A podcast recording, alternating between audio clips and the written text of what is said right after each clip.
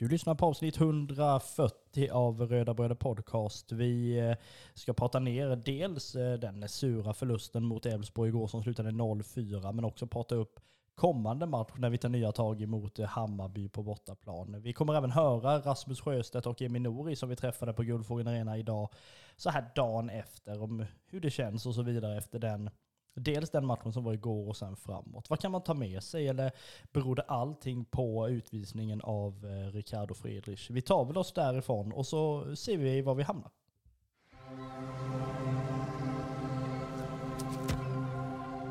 Vi säger väl som vi brukar då att vi hälsar dig som lyssnar välkomna till Röda Bröder Podcast.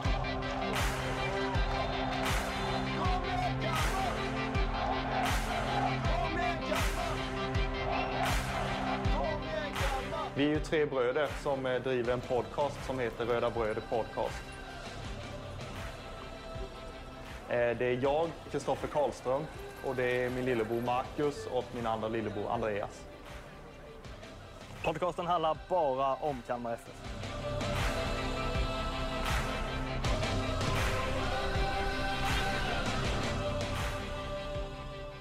Jajamän, man brukar ju säga att man mår som laget har presterat och så vidare. Vi kan ju säga så här nu direkt när, när vi har börjat, om det låter som att vi sitter någonstans där det är lite, ja, ekar lite smått så är det att vi sitter hemma i vårt säga, barndomshem. Ja, det är det ju faktiskt. Vi sitter hemma hos våra föräldrar. Ehm, faktiskt, eftersom det blev, blev bra att spela in här efter att ha varit nere på Guldfågeln under, under ganska lång tid. Vi var väl där i alla fall ett par timmar. Ehm, men Kristoffer, man brukar ju säga så här att man mår som laget presterar. Nu ska vi inte säga att vi, det är misär och ett jävla haveri liksom, även om det kändes så under gårdagen. Men alltså hur, kortfattat, hur mår man? Liksom?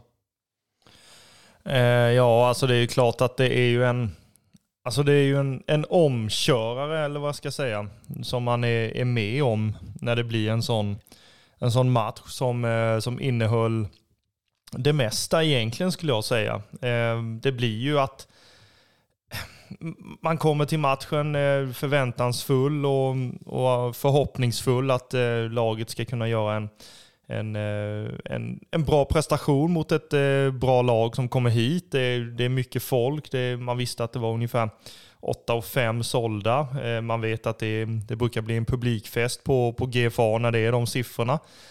Men sen i, i och med det här röda kortet då som vi kommer in på lite senare så såklart att det blir ett, ett annat utgångsläge rent förhoppningsmässigt. Eh, det ändras ju lite i, i själva tanken mot vad man hade från början innan matchen spelades.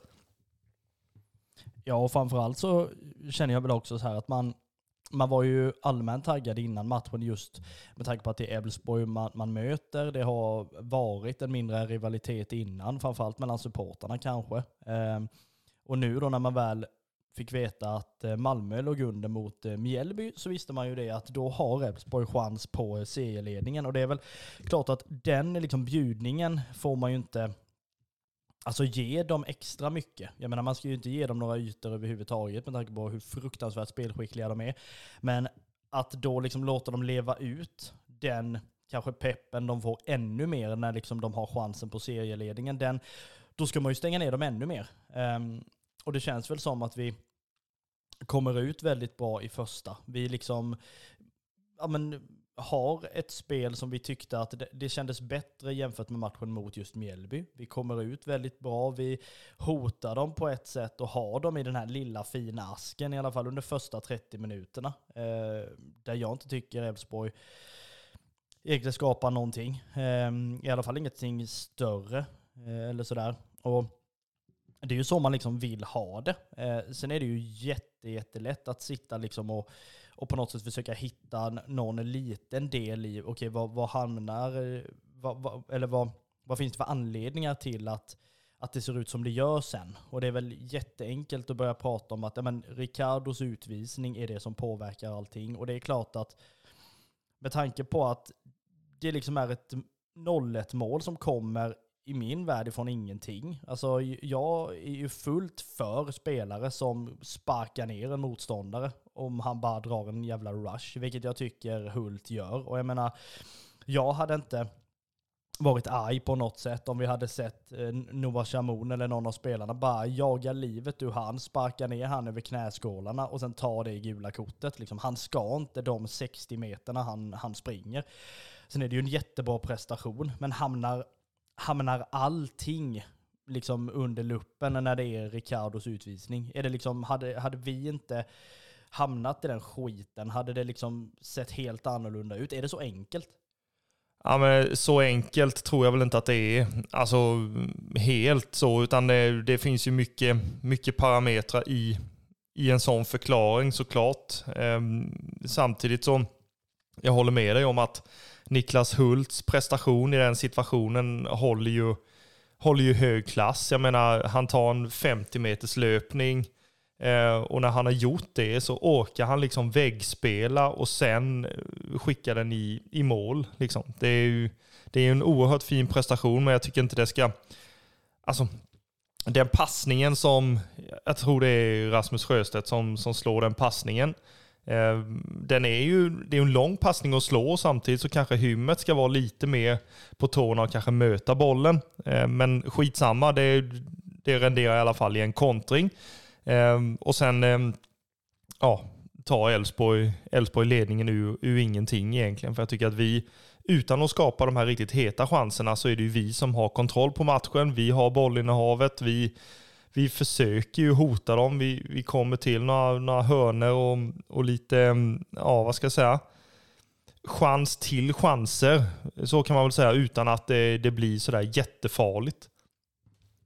Ja men vi gör ju det och det, det, är väl det som just gör att när det väl kommer en sån här chans, jag menar dels Niklas Hult, det är ju för att man inte tycker om honom för fem öre som spelare. Och sen också då när man, när man liksom, alltså ser hur, hur enkelt det ser ut, men jag menar det är ju det man vet om med Elfsborg. Vi pratade inför matchen att det i alla fall känns som att de är väldigt raka. Det är liksom intensivt och jävligt och jobbigt bara liksom och sådär. Och Ja, men det är ju så, ger man dem då den alltså möjligheten nu då som, som det ändå renderar i, då är det klart att de, de tar ju inga liksom fångar utan gör ju, gör ju 0-1.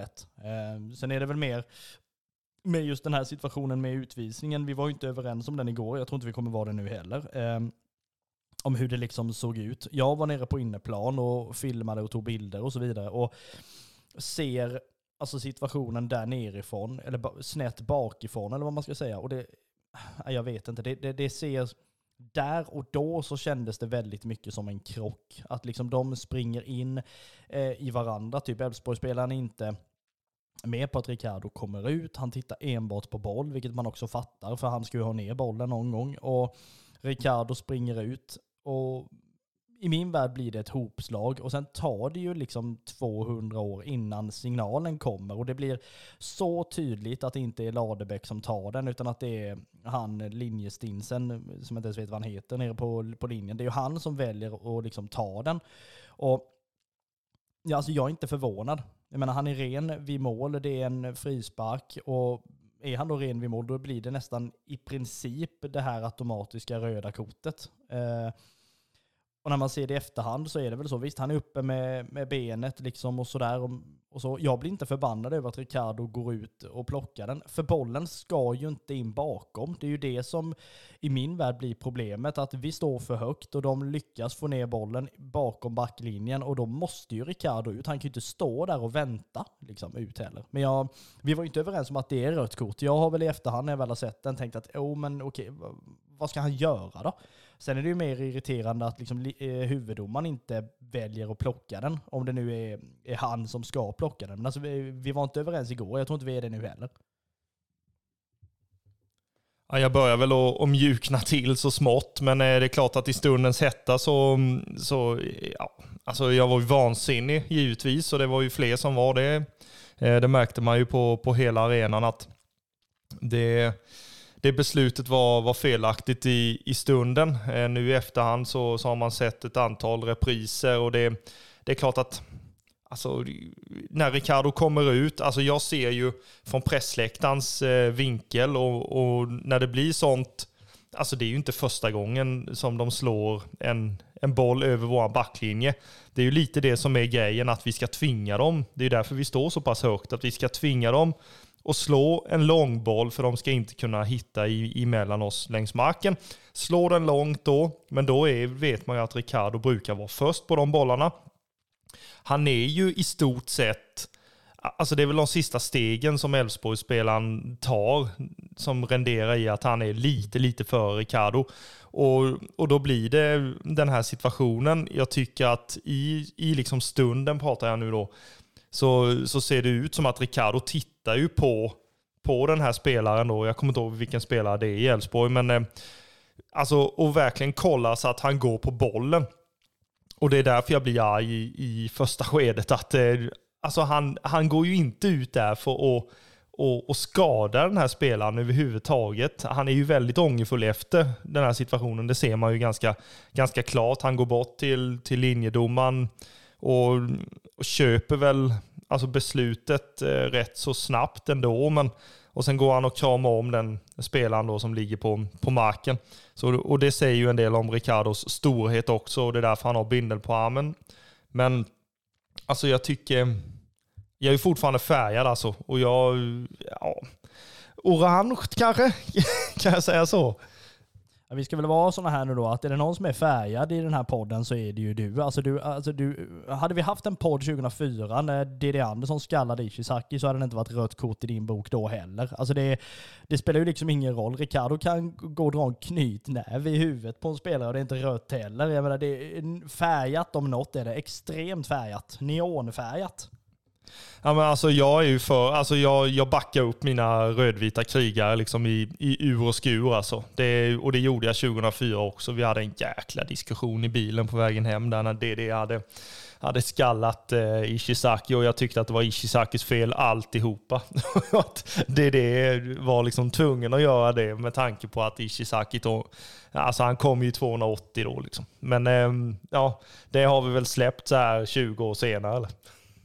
Ja, man kan väl hoppas det i alla fall. Nej, nu, nu ska jag inte vara sån. Alltså jag, jag, jag blir väl mer förbannad och irriterad över att vi sätter oss i den situationen. Jag menar visst, ibland händer det, folk åker ut och så vidare. Och ibland är det dobbarna före liksom, som är bara dumt. Och ibland är det liksom sådana här situationer som blir. Och visst, jag kan köpa att i den stunden, vad ska vi göra då? Liksom, det är ju som jag säger, man kan inte låta den spelaren få upp en gata sen. Sen är det ju Alltså är det svårt nog att möta Elfsborg, um, sådär, och framförallt när de leder med 1-0, så blir det ju absolut inte lättare när man dels har ordinarie mittback borta då i Lars Ätra. man har Carl Gustafsson borta då fortfarande. Det är Gojani får gå ut under uppvärmningen, eh, som liksom är ja, den spelaren som gör det väldigt, väldigt bra i alla fall och är en stor del av eh, att det har sett ut som det har gjort. Eh, sen då Jakob Kindberg, det är klart att han är ingen dålig målvakt, liksom. han spelar ju i Kalmar FF, men det är väl just det här att då komma in, han ska styra upp en backlinje i liksom ett väldigt otacksamt läge.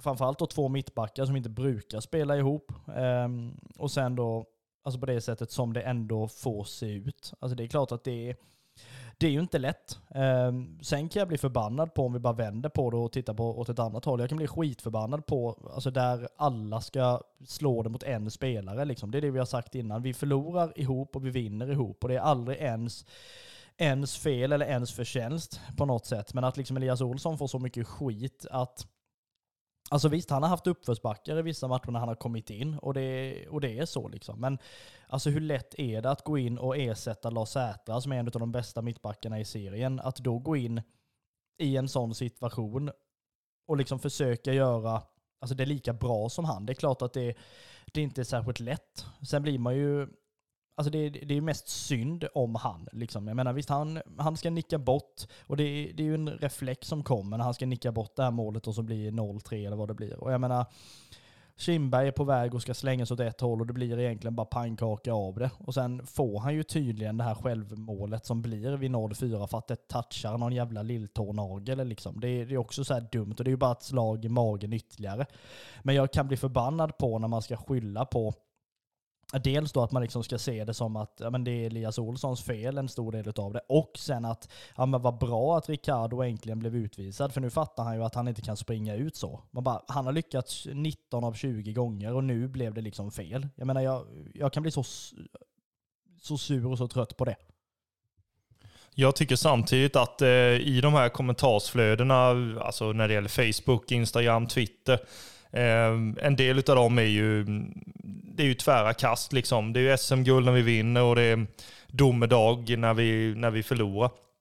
Och jag menar, men samtidigt så tycker jag inte att Elias Olsson har fått speciellt mycket kritik efter denna insatsen. Och jag tycker inte att någon spelare egentligen har, har fått det på det viset som man kanske alltså hade förväntat sig egentligen. Utan jag tycker att alltså både efter matchen man ser att eh, Eh, ståplatsen eh, sjunger fortfarande. Eh, spelarna går bort dit, alla spelare, ledare går bort till, till ståplatsen efter matchen och, och tackar för ett, ett fint stöd.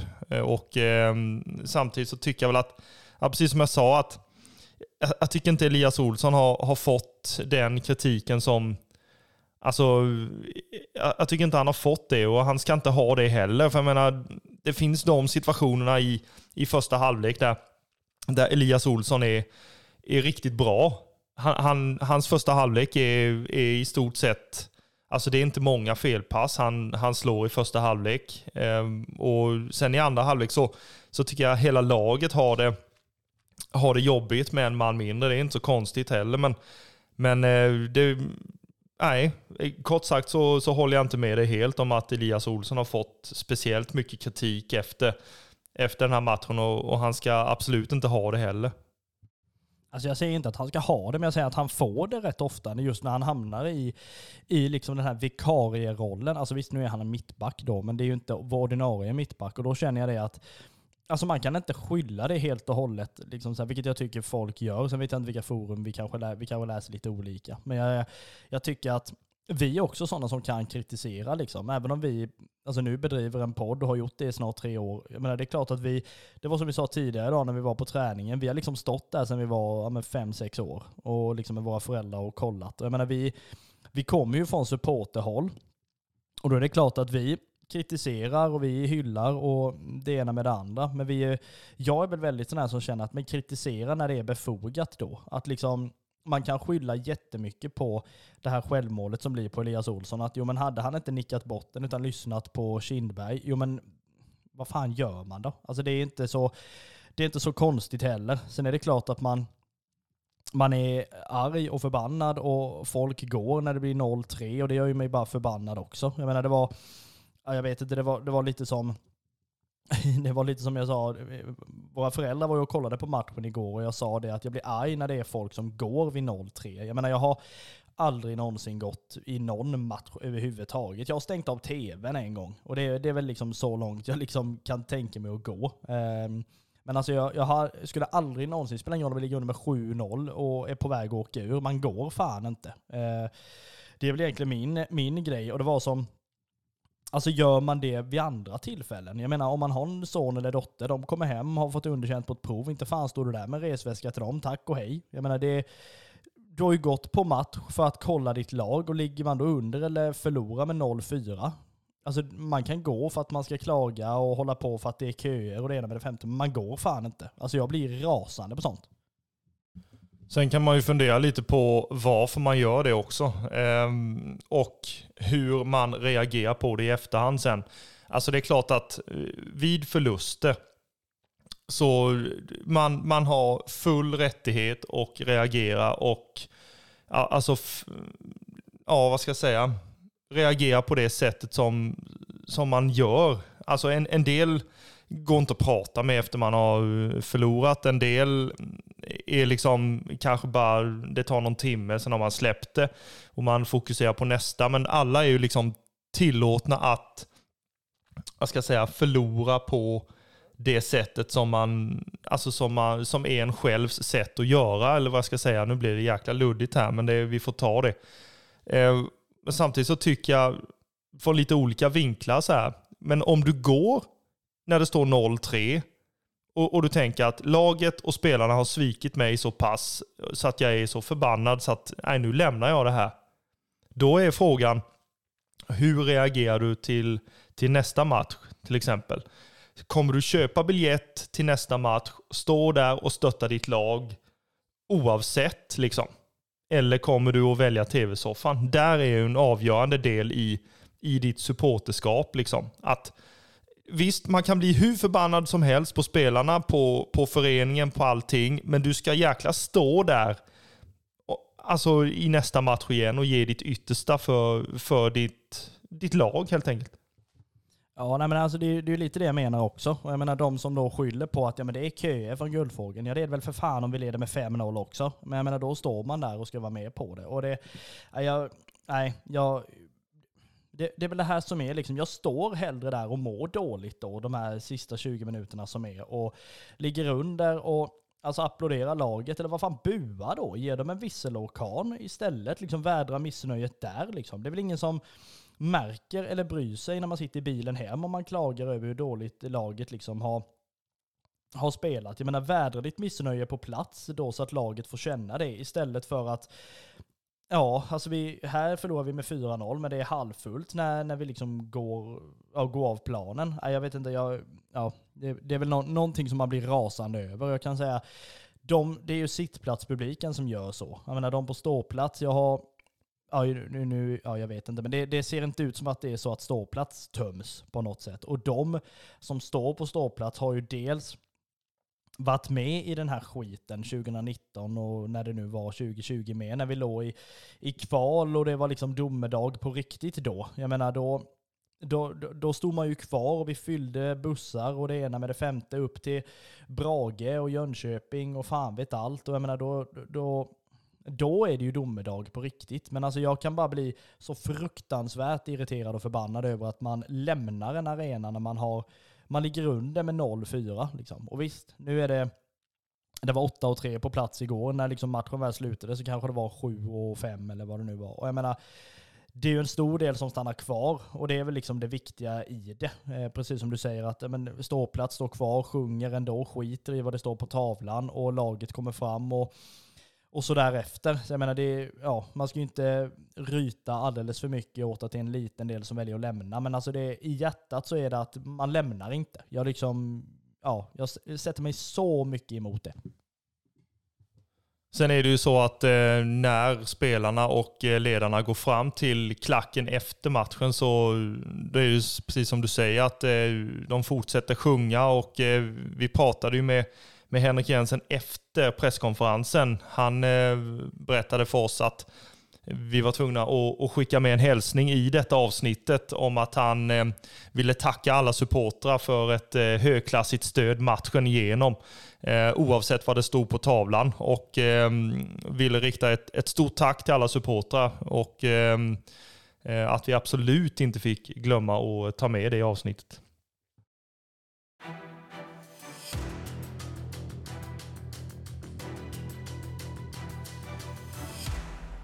Vi gör väl som så då att vi, eh, nu har vi skällt färdigt, känner nästan, nästan jag. Ehm, och sådär. Men vi, vi, vi går väl igenom lite som vi, som vi ska göra. Matchen i sig får man väl ändå, ändå lämna lite därhän, som det då heter på småländska, och då istället tänka vad kan man ändå ta med sig? Och det är väl, första halvlek gör vi ju väldigt bra. Ehm, och sådär. Jag menar, vi har dem i den här lilla asken första halvtimmen i alla fall, sen får de sina chanser och det är klart att då då går det som det går. Eh, sen är det väl också så här att det här är väl, om man nu inte räknar matchen mot BP som en, en av plumparna, eller det kan man ju också göra, men jag tänker att det här blir ju en, en andra plump i, i den här matchprotokollet för det här, den här säsongen. Och den är väl mer godtagbar kan jag tycka. Kanske inte 0-4, men en förlust mot Elfsborg, ja, jo, absolut. Eh, men vi gör väl så istället att vi kollar det som var positivt igår. Och det var ju dels eh, det då, vår fokusspelare som vi hade då, Axel Lindahl. Och det gick ju bra för han. Han blev ju Röda Bröderspelaren. Ja, Axel Lindahl pratade vi inför matchen om att eh, vi ville se en, en, alltså den gamla vanliga Axel på något vis. Eh, han, eh, han kom väl inte riktigt upp i, i nivå i matchen mot Mjällby. Han hade det väldigt tufft på sin på sin högerkant eh, och fick liksom inte ut speciellt, speciellt mycket offensivt i alla fall. Eh, I matchen mot, mot Elfsborg nu då så hade jag förhoppningar om att han skulle få lite mer ytor och lite mer eh, alltså, chans och, och, och göra sina kvaliteter helt enkelt. Och jag tycker att hans första halvlek är, är riktigt, riktigt bra alltså. Han tar ju väldigt mycket egna initiativ. Han dribblar ju av en, två, tre spelare ibland och de undrar liksom vad de heter i efternamn när han har passerat dem. Och jag tyckte vi fick se den gamla goda Axel i, i eh, ja, när han är som bäst egentligen i, i första halvlek. Sen tycker jag att han, i, alltså när han har kommit så pass långt som han, som han har gjort, när han har gjort sina gubbar och sånt där, och ska liksom, det är det sista som saknas på något vis. Eh, och det känns som att han, han skulle kunna skjuta betydligt mer än vad han gör. Han vill gärna lägga den här eh, ja, avgörande passningen istället när han kanske hellre har, har ett avslutsläge eller han kan kombinera sig en gång till och sen spela in bollen. Eh, det är väl det enda jag, jag kan sakna. Sen tycker jag att Axel Lindahl är, är värd att, att bli eh, matchens röda brödespelare. Det är inget snack om, inget snack om den saken. Nej, ab absolut inte. Eh, och det är väl det man liksom ändå kan se det som, att det är någonting positivt från igår. Eh, och det är väl just Axel Lindahl, att han, han liksom visar det här offensiva. Eh, sen kan han i vissa matcher ha, ha problem liksom defensivt eh, och sådär. Och det, det har väl motståndarna, motståndarna lärt sig, att just Axel Lindahl får vi se upp med när, när vi möter Kalmar FF, för det kan gå undan. Eh, och det gör det ju gärna. Eh, så det, det är väl i alla fall någonting positivt som vi får ta med oss inför matchen då mot eh, Hammarby.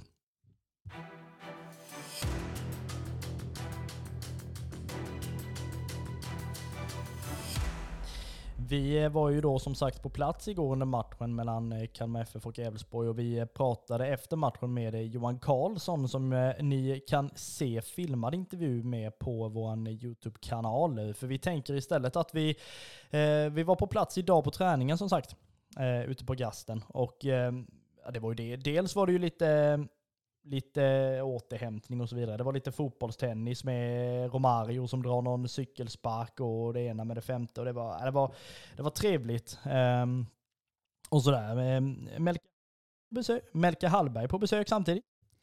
Ja, han eh, fanns där vid, vid eh, sidlinjen höll jag på att säga, men vid, vid eh, gallret och bevakade träningen.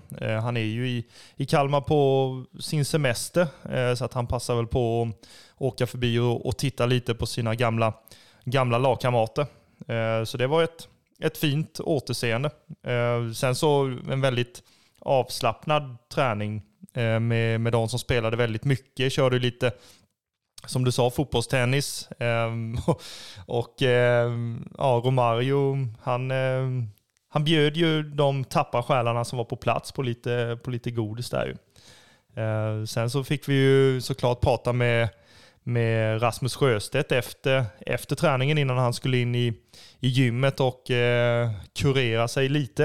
Eh, och det är alltid en, en, trevlig, en trevlig kille att, att prata med. Ja men verkligen, vi sa det till honom bara, det är för lite ljus på dig. nu vet jag inte om det är det med tanke på att han är med, i, han är med i andra program också. Men vi eh, ja, men, tog oss en pratstund med, med Rasmus Sjöstedt, så vi eh, lägger väl in den här.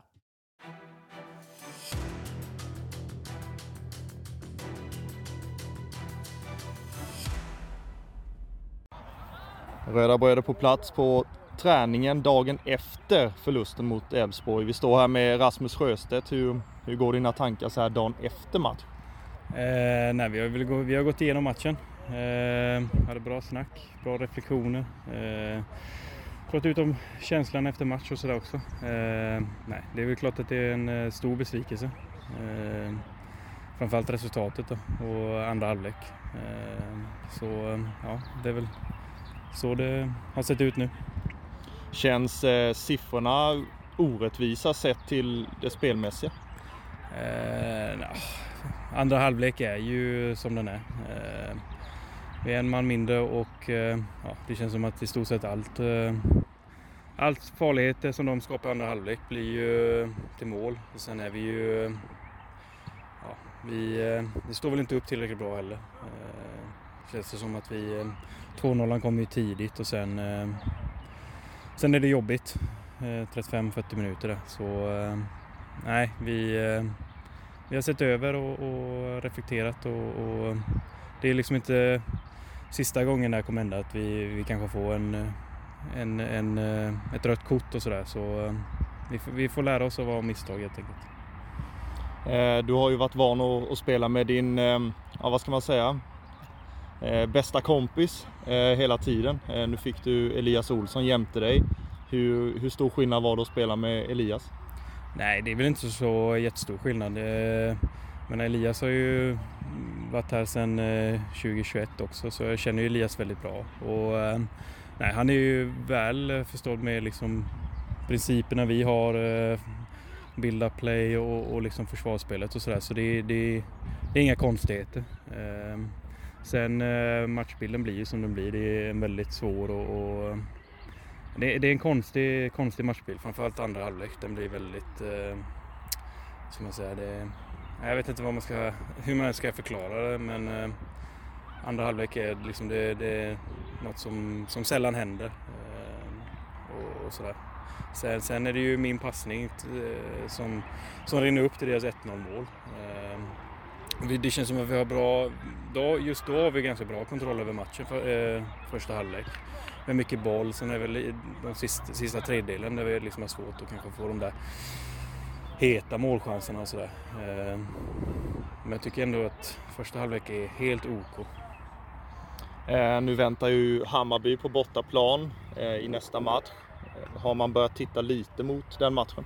Nej, inte, inte redan. Men eh, det är klart att nu börjar ju förberedelserna inför eh, Hammarby på söndag. Då. Eh, och, och det jag tycker att Visst, man kan må skit och tycka att allt var piss. Eh, det gör ju vi också liksom, givetvis. Men eh, det är ju hur man reser sig eh, och liksom karaktär och mentalitet och sådär, liksom träningsveckan och även matchen. Det är, alltid, det är alltid lätt att komma tillbaka till jobbet efter en, en vinst men en sån förlust som vi hade igår, liksom, det, det är oftast då man visar vem, ja, vem man är och vilken fotbollsspelare man är. Eh, hur mycket ser man fram emot och, och kanske få åka upp och, och möta ett, ett bra lag i, igen?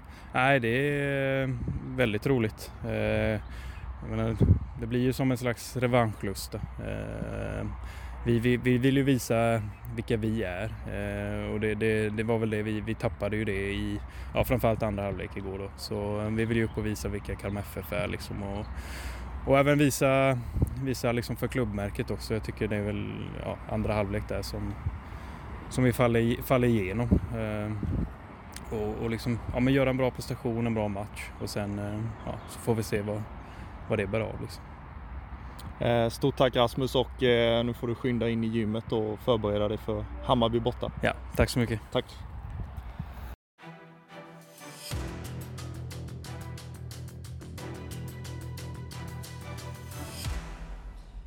Rasmus Sjöstedt, fina Rasmus Sjöstedt. Vi gör så här också då när vi, när vi ändå är igång med detta. Det var ju då dels eh, träning då och så vidare. Och vi, det blev lite det här, eh, alltså vad heter det? Någon form av spelövning där liksom man har tryckt ihop målen så här extremt mycket och på mindre ytor och så vidare. Det var ju väldigt, väldigt intressant att se. Men vi kan ju ändå säga så här Kristoffer att vi eller vi och vi, ja och vi också, men framförallt du har ju upplevt en eh, drömuppfyllelse kan man ju säga. Det här, det här, det här är poddgodis ska ni veta. Vi var nere på Guldfågeln efter, efter träningen och skulle prata med Minori. Och det, det, får ni höra alldeles strax här, men vi måste innan dess bara dra det här grejen. Vi sitter och så pratar vi med Henrik Andersson och så säger Kristoffer någonting i stil med, ja vad sa du? Uh, ja, men att uh, jag har väldigt mycket respekt för uh, alltså materialförvaltaryrket på något vis. Jag tycker att det är, det är på tok för lite ljus på dem som, som gör det här jobbet i det tysta i en förening eller klubb eller vad det nu än är. Och som betyder oerhört mycket. Alltså, och, eh, och jag har liksom fått någon liten, jag vet inte riktigt, men eh, jag, tycker att det är, det är imponerande alltså. Och det, det verkar vara ett, ett, roligt, ett roligt yrke också. Eh, och, och jag sa ju det till, till Henrik Andersson då som jobbar på eh, kansliet. Eh, att eh, man har ju en liten, en liten dröm liksom att få kliva in i det, i det allra heligaste och, och se hur det ser ut där liksom materialförvaltarna har sitt har sitt eh, kontor eller rum och, och, lite sådär och hur det går till där inne. Eh, för det är ju, alltså, jag tycker fortfarande det är på tok för lite ljus på liksom det som betyder väldigt mycket. Och då så säger han ju att, ja men då går vi in dit då. Ja, det var fan inga konstigheter där. Det var bara att stövla in. Eh, och det, alltså det är ju trevligt eh, överhuvudtaget. Men de har det ju inte jobbigt. Det, så kan man ju säga. Alltså det kanske de har, nu ska jag inte vara det. Men det, alltså det, det är roligt så här. Du har ju snurrat in dig på någon sån här YouTube-kanalsgrej med liksom equipment managers eh, historier. Och det är ju trevligt. Alltså det, det är skitroligt sånt överhuvudtaget. Och sen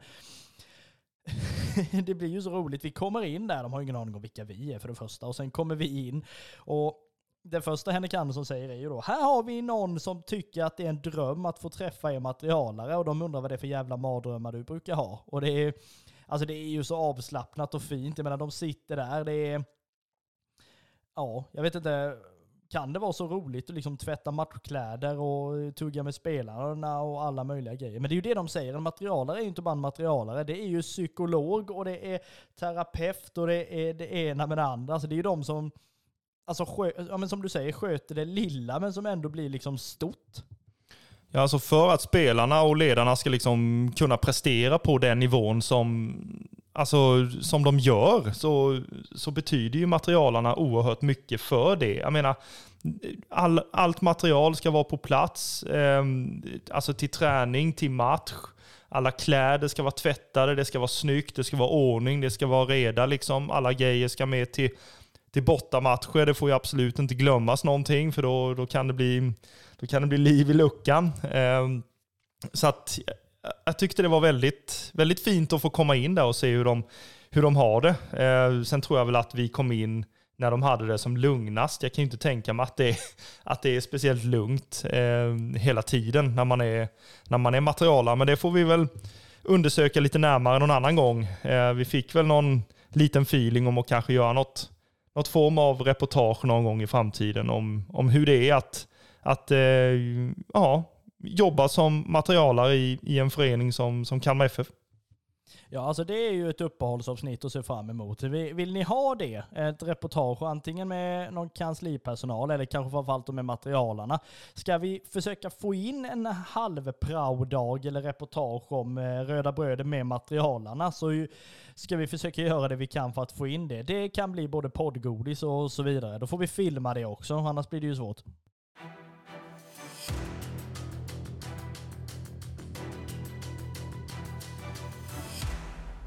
Ja, men vi var ju nere då på Guldfågeln och vi, hade ju, vi stödde ju Eminori i lunchen höll jag på att säga. Han, hade ju, han eh, hann ju ner innan han eh, skulle äta där eh, faktiskt och eh, pratade med oss och det är ju jättetrevligt eh, och sådär. Och vi, vi fick ju en, en stund med Eminori eh, i eh, shoppen då efter att vi hade inhandlat lite av nyheterna som finns. Men vi pratade med Eminori, alltså jättetrevlig. Han skön att lyssna på och liksom är väldigt öppen eh, framförallt som, eh, som de flesta är, är i föreningen eh, framförallt. Men vi eh, lägger väl in, eh, vi satt med Eminore för en stund sedan och det lät eh, så här.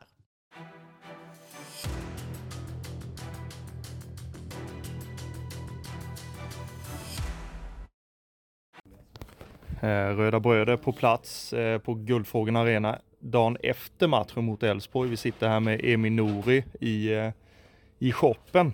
Eh, hur går dina tankar så här dagen efter matchen?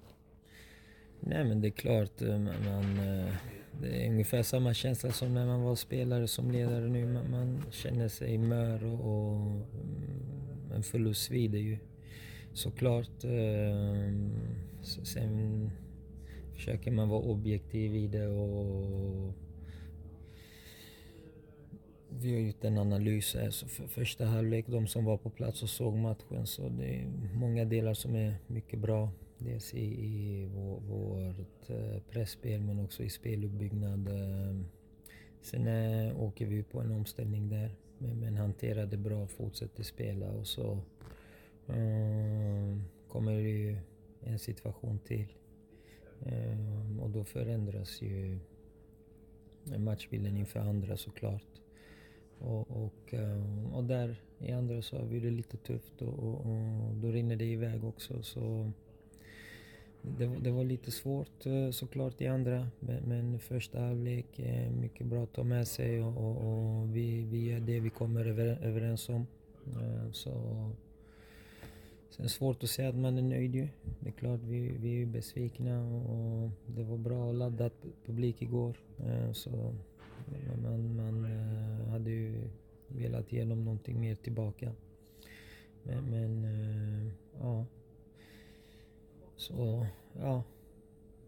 Eh, en, en, bra första halvlek, lite mer önska från sista tredjedelen där vi kan eh, lite tydligare skapa, eller framförallt fylla på med mer box och lite mer tydlighet i, i spelarna runt omkring bollhållaren i vad man vill. Annars var vi väl nöjda med de eh, flesta delarna i det i första. Sen andra, om det fanns något att önska så är det väl att eh, vi fortsatt ska fortsätta skydda vårt mål och, och det eh, kommer ju ett mål tidigt i andra där. Och sen vill man ju att två ska stanna på två såklart och tre ska vara tre. Men, men samtidigt eh, nya relationer på planen. Eh, två nya spelare i backlinjen. Trent ska få göra sin eh, debut i en eh, otacksam situation och Saku kommer in där som inte har eh, så mycket speltid. Så, så. Det, det, blir ju svårt för killarna också. Men lite mer önska av det jag sa innan där då såklart att vi hade kunnat hålla ner siffrorna så, och, och framförallt ge oss själv chansen kanske få någon omställning, någon fast situation och så här. Men så blev det ju inte. 2-0 kommer snabbt och, och man har varit på plan, man vet. Eh, det lilla man bygger upp under halvtid där eh, slå, slås ju sönder.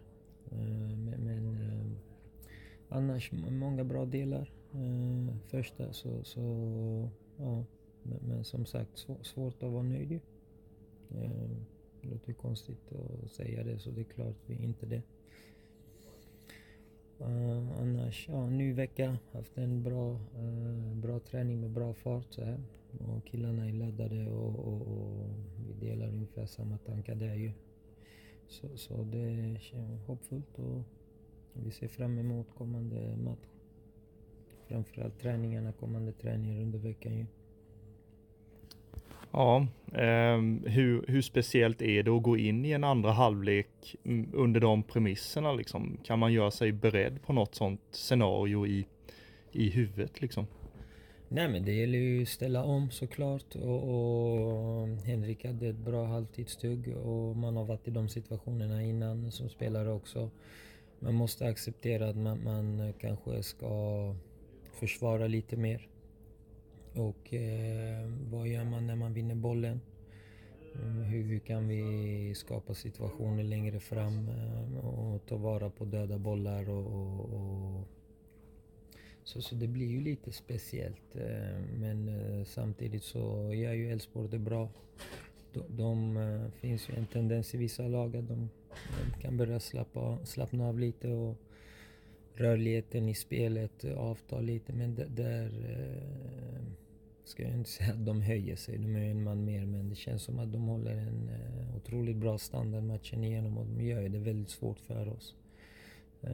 Så det är väl det, men vi, vi tänkte väl att vi skulle skydda målet såklart. Acceptera att de har lite mer boll och försöka sticka på omställningar. Och, och vi hoppades på att vi skulle kunna få någon fast situation som vi skulle kunna ta tillvara på. Och när man är undertalig, ibland när man vinner boll, gäller det att slå sin kille för att kunna transportera boll och det hade vi ju lite svårt med. Um, samtidigt som de inte slog av utan gjorde det väldigt svårt för oss. Och det var ju så. Men vi fick byggde upp en bra energi och grabbarna var laddade. Sen kom ju ett tidigt mål och, som jag sa innan, så då blir det svårt. Ja, eh, Jakob Trenskov nämnde du innan, han fick mm. göra debut ju. Mm. Eh, vad kan vi förvänta oss av eh, honom som spelare? Nej, men det, är, det är en uh, kreativ spelare. Han är rapp och, och, och, han har sett pigg ut nu på träningarna. Samtidigt så kommer han ju från ett uppehåll. Så han behöver ju träna på lite.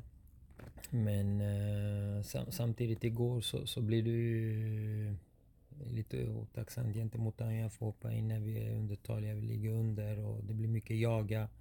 Så hans eh, bästa sidor får vi ju inte riktigt se i andra halvlek där. Då det blir mer täcka, jaga och direkt, direkt spel kanske som man ska sticka på så här och vi får inget bett i det heller. Men annars så ser han jättespännande ut. Som jag sa, trivs ju eh, otroligt när man isolerar han en mot en. Eh, man märker direkt att eh, han älskar de situationerna och, och där går det undan eh, en eh, otrolig spets. Så det kommer bli spännande. Det kommer bli spännande. Nu väntar ju Hammarby på bortaplan i nästa omgång. Eh, spontant mm. så här, vad, vad har du för tankar kring den kommande matchen? Nej men eh, jag har väl inte riktigt gått in på Hammarby men på raka man har ju mött dem många gånger eh, och eh, det är ju väl ett lag som är rena motsatsen till Elfsborg. Elfsborg eh, går ju på omställningar och i, sin, i sin speluppbyggnad så varvar de eh, kortpassning med, med diagonala och vertikala hot. Och spelare som ständigt löper medan Bayern försöker kontrollera matchen och, och, och ta sig fram. Eh, för de prioriterar ut såklart med kontroll. Ehm, så, så det, är, det är ett skickligt lag men med, med ett helt annat tänk ju. Så vi får se vilken matchplan vi gör där. Men, men äh, äh, ja, vi, vi, vi har nu en vi har flera träningar, träningar på oss nu och förbereder oss. Återhämtningsdag imorgon så vi har en bra känsla. Vi har haft eh, en, vi har en bra period bakom oss också med bra prestationer och, och, och bra resultat också. Sen återstarten har vi haft eh, bra träningsveckor så vi ska bara köra på och bygga vidare på det där. Eh, stort tack Emin och eh, lycka till i den kommande matchen. Mm, tack själva, tack.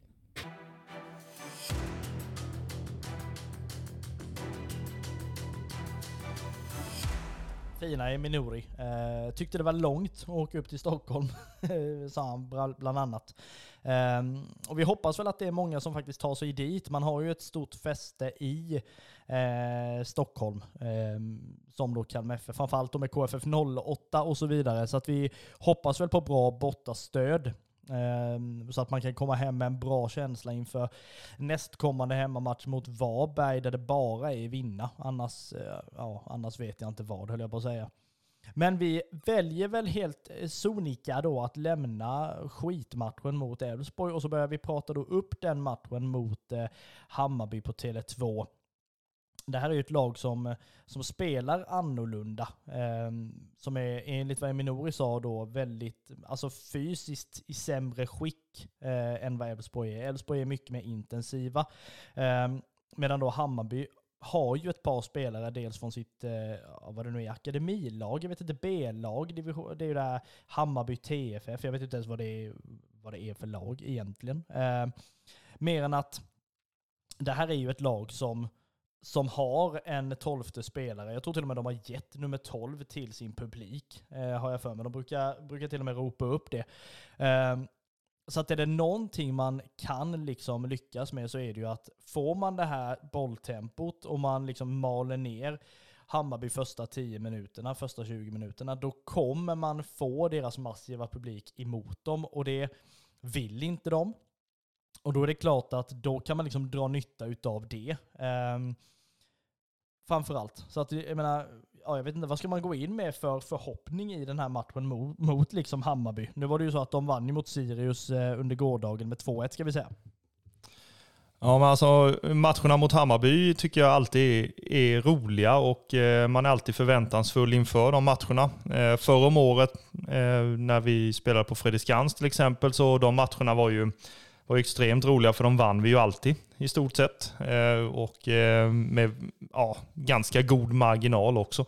Eh, men Hammarby är klart att alltså det blir lite extra tändvätska när det är, är ett lag och en förening som har väldigt mycket supportrar runt om i Sverige. Jag menar i varenda i varenda byhåla höll jag på att säga. Äh, ända nere i Påryd, eh, Gullabo, Torsås, alla de här runt omkring, de här krans kommunerna så finns det ju ja, förvånansvärt många som håller på alltså något Stockholmslag och i synnerhet då Hammarby. Ehm, och då blir det lite extra tändvätska när man vet att det finns folk i ens, i ens närhet som håller på, på det laget helt enkelt. Och det blir lite gliringar på jobbet och sånt där. Det slipper man ju nu när man, när man har semester. Men, men eh, när man inte har semester så då är man ju på dem lite extra.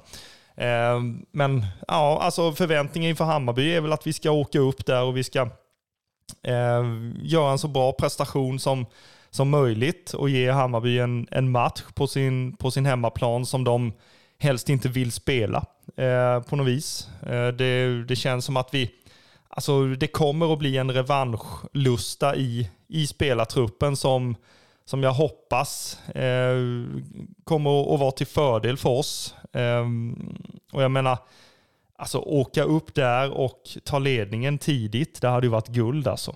Eh, och, och få höra deras burop mot sina egna spelare och vi bara kan trumma på där i matchen igenom och, och, och sen åka hem med tre poäng. Det hade ju varit, alltså, det hade varit som en dröm. Eh, inte lika mycket dröm som att gå in i materialrummet, men, men det, det hade ju varit en dröm i alla fall.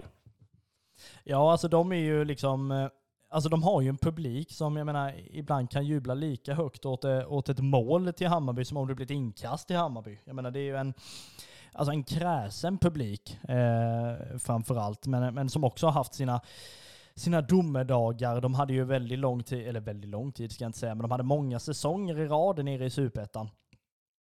Eh, och har väl ändå utvecklats till, till ett helt annat lag, eh, framförallt efter, efter den tiden.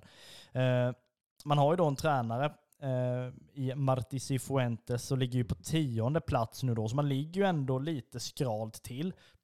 Um, och det har ju pratats, alltså det gör det ju ofta liksom uppe i, i de här Stockholmslagen, att jag menar har man förlorat fem, sex matcher så är det vissa som oh, ska sparka tränare och hej vilt liksom och sådär. Och visst, han sitter väl lite under lupp, um, gör han ju. Uh, och det är klart att om nu Kalmar FF då kan komma upp och göra en bra prestation, kanske till och med vinna matchen, då är det klart, då sitter han ju då är han ju ännu längre ut på plankan eh, naturligtvis. Sen är det ju så att Hammarby är ju ett lag som är alltså svåra att möta. Dels för att man, man inte vill någonting annat än att slå dem. Eh, och det vill man ju med de flesta lagen eh, också. Men just precis som du säger, eftersom att det är väldigt mycket folk runt om i de här byhålorna och bondesamhällena runt om städerna som håller på de här lagen som inte har fattat det här med att man ska supporta sitt lokala lag. Och då, då blir man väl ännu mer glad eh, om man liksom kan smälla dit dem framförallt. Sen är det ju så att Eh, att Hammarby, ja, som jag sa innan, är ett svårt lag och man, man vill absolut vinna emot dem. Och det är inte helt omöjligt, absolut inte, om, det, om, det, om man spelar som man gjorde i alla fall i första halvlek under gårdagen. Alltså jag vill ju inte vara en av de supportrarna som har den här alltså ständiga hybrisen. Eh, vi har ju ganska skaplig hybris ändå i den här podden, men, men en del som tycker att vi ska åka upp och, och vinna mot det ena laget efter det tredje med 5-6-0 och det ska se ut som att vi alltså är typ, eh, ja vad ska jag säga, Barcelona eller något i världslag och man lever i någon slags verklighet som inte är Kalmar FFs. Eh, men, men jag har förhoppningar om att vi, trots att vi har Ricardo borta till exempel. Kinberg Kindberg kommer att komma in där och, och han är en bra målvakt. Det visade han i, i matchen mot Elfsborg när han får hoppa in alltså från ingenstans. Alltså han kan ju inte ha varit uppvärmd speciellt många sekunder innan han fick kliva in. Ehm, så jag har fullt förtroende för Jakob eh, i mål och jag menar vi får tillbaka Lars Sätra. Eh, och då ska man fortfarande komma ihåg att ingen skugga ska falla över Elias Olsson. Eh, men det är klart att Lars Sätra på eh, Tele2 inför, eh, ja, jag vet inte om det är fullsatt där, men det är, det är oerhört mycket folk i alla fall. Så, så känns det som att Lars Sätra kommer betyda mycket där uppe. Eh, Samtidigt så, så är vi ju en, en maskin som är som ska vara gångbar liksom, oavsett vilken arena vi, vi spelar på. Och det är liksom, alltså så länge vi åker upp där och spelarna gör sitt yttersta och man, ja, man, man, gör en bra prestation liksom. Och eh, förhoppningsvis så, så vinner man matchen. Eh, och får åka hem och ha det ja, festaktigt i bussen på vägen hem och, och glada miner och sådär. Mycket folk från Kalmar kanske som åker upp också, eh, vilket betyder mycket för, för laget. Så nej, eh, ge mig matchen snarast möjligt. Ja, alltså jag har inga större problem om man förlorar någon match då och då, men då ska det vara, man ska märka på spelarna att de har fan jagat livet ur sig och helst att någon drar en vattenflaska i gräset när de går ut därifrån. Alltså det, då är det liksom, ja men okej, vi har gett, gett vårt yttersta, vi har gjort vad vi kan, idag höll det inte liksom. Det är det som är fotbollen, det är upp och ner. Men jag menar, märker man då att någon inte gör sitt yttersta och bara, ja ja, men det här, det här löser vi säkert, eller oj, nu förlorade vi, då blir man ju vansinnig. Men jag menar, det kan man ju ändå säga.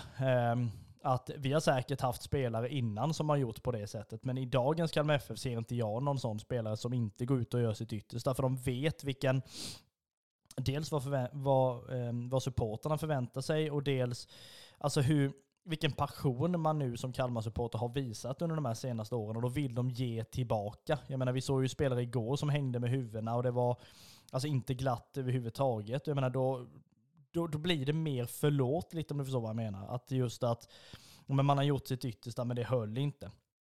Sen är det klart att man kan ju inte tänka liksom att men vi ska gå upp det var ju någon, någon tränare i början av 2000-talet som sa det att vi är väldigt bra, det har jag berättat för laget, men om man då tar det och tolkar det som att vi ska gå ut och spela fint mot Hammarby och sen vinna, det håller inte då. Och jag menar, det kommer det ju inte göra.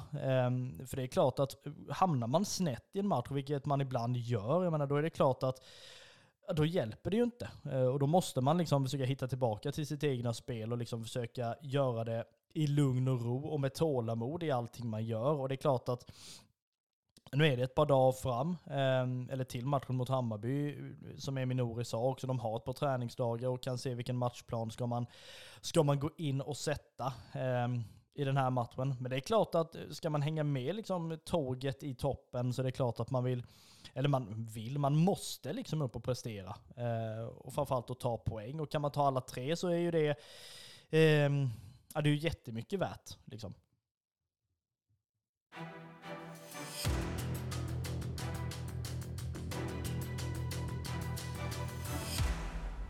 Det är som vi säger då, startelva. Kindberg i mål lär det ju bli. Sen är det ju Lars Sätra tillbaka mot sin gamla hemmapublik måste vi eh, också säga. Och den backlinjen lär väl vara eh, intakt. Eh, sen är det väl också hur det ser ut med eh, Robert Gojani. Det såg ju bättre ut idag på träningen. Eh, tränade ju inte fullt men var ju ändå med. Eh, och så vidare.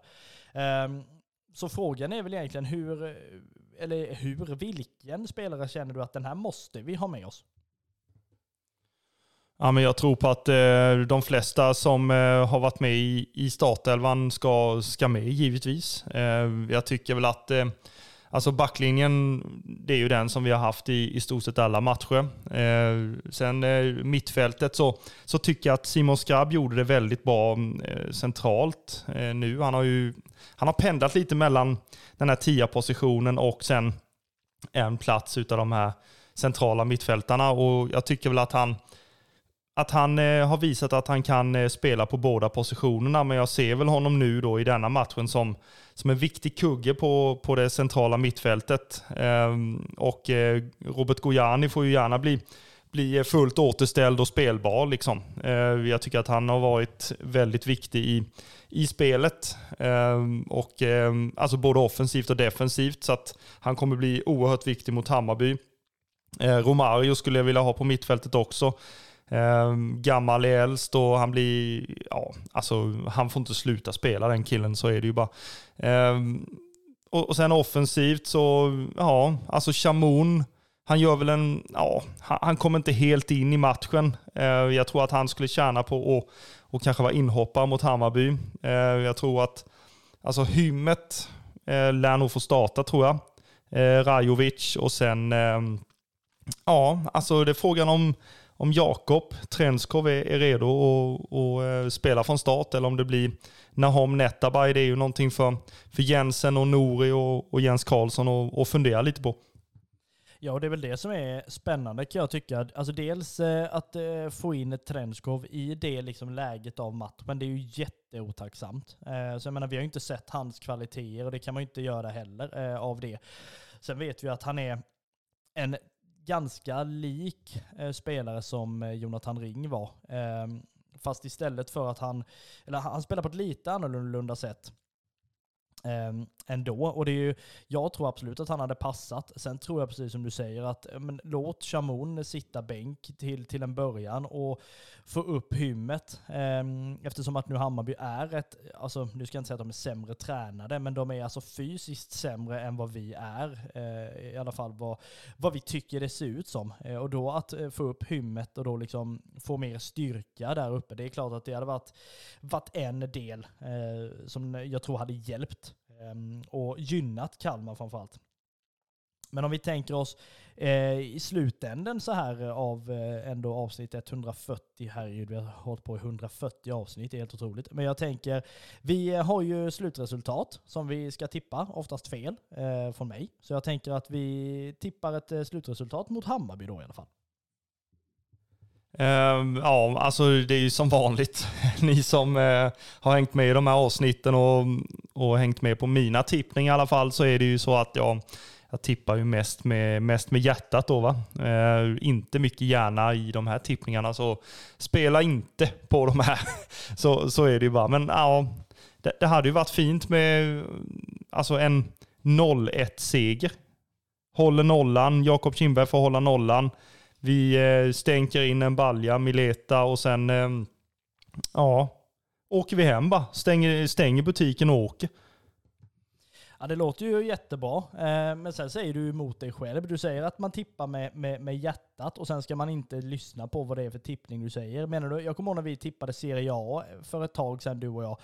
Och du sa att är det okej, okay, det är Sampdoria mot Lazio. Du är hundra på att Lazio vinner. Då tippar du på, på Sampdoria. Är det lite så man ska göra nu? Att vi är hundra på att vi vinner 0-1 mot Hammarby, men då ska vi tippa tvärtom. Hur sy ihop det här? Ja, nu var det inte riktigt så jag menade, utan det var ju förhoppningar. Liksom. Det var inte förväntningar och att man, eh, ja, jag vet inte. Men grejen är att jag vill bara att vi åker upp dit, vi gör en bra match, eh, hoppas på, på seger. Eh, alltså, och, och, att de spelar för alla rödvita som är på plats helt enkelt. Och, eh, Nej, och, och visst är det fint. Alltså 0-1 seger. Det hade ju varit guld och att man bara stänger butiken i slutet när Hammarby trycker på och, och så åker man därifrån och ja, är, är glada i bussen. Så, så får man väl säga. Men du säger, eh, det fanns en tavla för ett tag sedan, eh, så 2007, när Cesar Santin smällde in 0-1 mot AIK, som jag tror man döpte den till när Råsunda tystnar. Vi kanske ska ha när Tele2 Arena tystnar när vi skickar in ett inlägg i 93 och Lars Zäta knoppar in eh, 0-1. Det hade väl varit guld värt om inte annat. Men vi tänker väl oss så, 0-1-seger hade ju smakat extremt bra uppe på Södermalm i Stockholm. Men ni som inte har bokat in in er på resan upp så finns det fortfarande lite platser kvar i den första bussen. Kan ju vara så att man utökar med någon buss. Det får vi se med de eh, Kalmar-profilerna på Twitter som eh, roddar i de här resorna. Glöm inte gå in på vår YouTube-kanal och kolla intervjun med Johan Karlsson direkt efter slutsignalen igår på Guldfågeln Arena som eh, där vi spelade mot Elfsborg och förlorade med 0-4. Men vi har glömt den matchen ganska så omgående, eller vi försöker i alla fall. Vi tänker oss matchen borta mot Hammarby. Vi har pratat med Rasmus Sjöstedt och vi har pratat med Emi Nouri och Kristoffer har fått uppleva sin dröm i materialarummet. Det är inte fy skam det. Röda Bröder Podcast är tillbaka med avsnitt 141 kan ni tänka er nästa vecka. Vi hörs och ses. Vi är fortfarande supporterpodden om Smålands stolthet.